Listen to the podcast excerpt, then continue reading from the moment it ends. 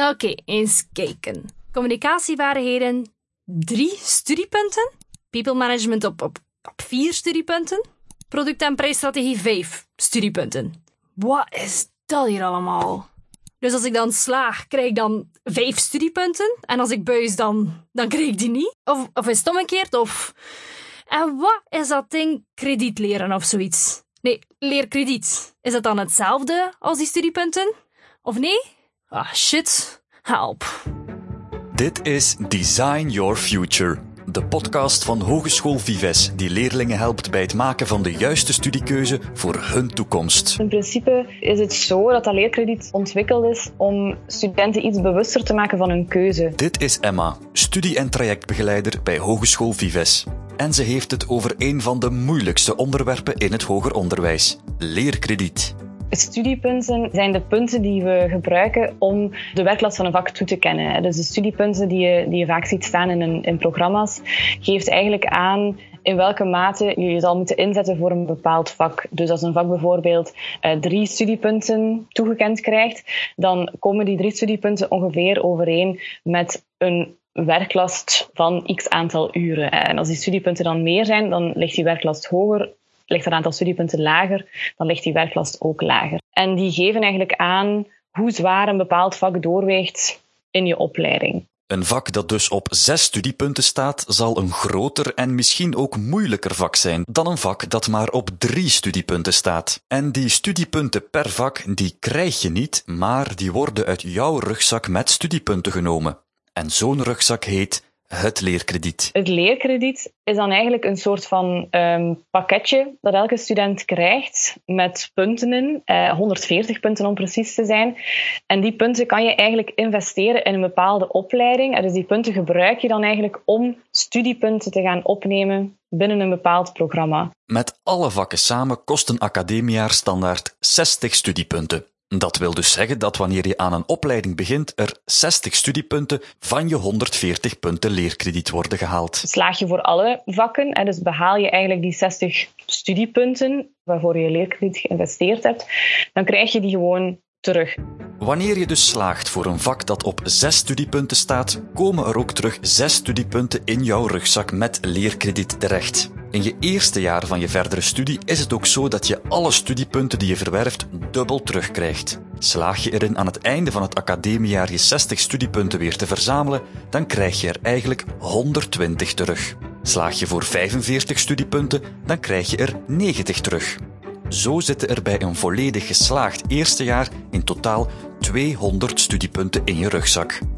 Maar let op, slaag je niet voor een vak na twee zittijden, dan verlies je het leerkrediet dat je in dat vak investeerde ook voor goed. Als je dan doorgaat naar je tweede jaar en je verwerft die dan wel, dan krijg je die overige studiepunten ook nog eens dubbel terug. Maar stel nu, ik begin aan een opleiding en dat kost me dus 60 studiepunten, maar ik buis voor elk vak omdat de opleiding mijn ding niet is. Dan hou ik nog 80 punten over. Dat is nog steeds genoeg om een nieuwe opleiding te starten. Wanneer ik dan opnieuw voor alles buis, hou ik nog maar 20 studiepunten over. En dat is natuurlijk niet voldoende om een volledige nieuwe opleiding te starten. In dat geval kan die student nog steeds wel inschrijven voor een opleiding, maar zal misschien selectiever moeten zijn in welke vakken hij of zij al dan niet opneemt. En je zal geen pakket van 60 studiepunten kunnen opnemen. Maar naarmate je je dan opnieuw vordert, kan je natuurlijk die 20 studiepunten die je dan geïnvesteerd hebt, terug verworven hebt, kan je die natuurlijk opnieuw gaan investeren. Met 20 studiepunten in je rugzak met leerkrediet kan je dus ook maar voor 20 punten aan vakken volgen. Zo zal je traject er een beetje anders uitzien en ook wat langer duren. Staat die teller op nul, heb je eigenlijk echt niet voldoende leerkrediet om aan een opleiding te kunnen starten, dan kan jouw inschrijving geweigerd worden. Of kan het ook zijn dat aan jou gevraagd wordt om een verhoogd inschrijvingsgeld te betalen. Dus dat je eigenlijk meer betaalt dan een reguliere student, omdat je eigenlijk buiten dat pakketje van leerkrediet al valt. Ook wie geen vlekkeloos parcours volgt, kan nog zijn diploma halen. Vakken waarvoor je niet slaagt, zul je dan later wel moeten inhalen natuurlijk. Zo kan het gebeuren dat een student in het tweede jaar nog enkele vakken uit het eerste jaar moet opnemen. Dat heet een persoonlijk deeltraject. Het eerste jaar, ja, dan voelde je wel, ja, oké, het is veel studeren en zo verder. Dit is Gauthier. Hij studeerde af aan de opleiding bedrijfsmanagement bij Hogeschool Vives. En in het eerste jaar dan had ik uh, ja, een aantal buizen. Maar uh, vooral eigenlijk Frans. Dat was eigenlijk een, een groot hekelpunt dat ik moeilijk kon ophalen. En dan had ik dat ook uh, toen meegenomen in het tweede jaar in feite. Maar ook na het tweede jaar bleek Frans opnieuw een buisvak te zijn. Stel in het derde jaar heb je ook stage in het tweede semester. En als je dan nog vakken hebt, uh, zoals Frans 1 en 2, die over een volledig jaar lopen, ja, dan zit je wel in de problemen, want je hebt stage in het tweede semester en je hebt ook les. En daardoor is er dan beslist geweest om eigenlijk er iets langer te gaan overdoen. Vier jaar in feite. En zodat ik eigenlijk op mijn gemak was dan voor stages en zo verder in, de, in mijn vierde jaar. En dat is dan uiteindelijk wel gelukt zo. Het kan noodzakelijk zijn om je stage uit te stellen. Want voor een stage heb je ook een minimum aan studiepunten nodig. Er moeten doorgaans 110 studiepunten verworven zijn om te kunnen deelnemen aan een stage.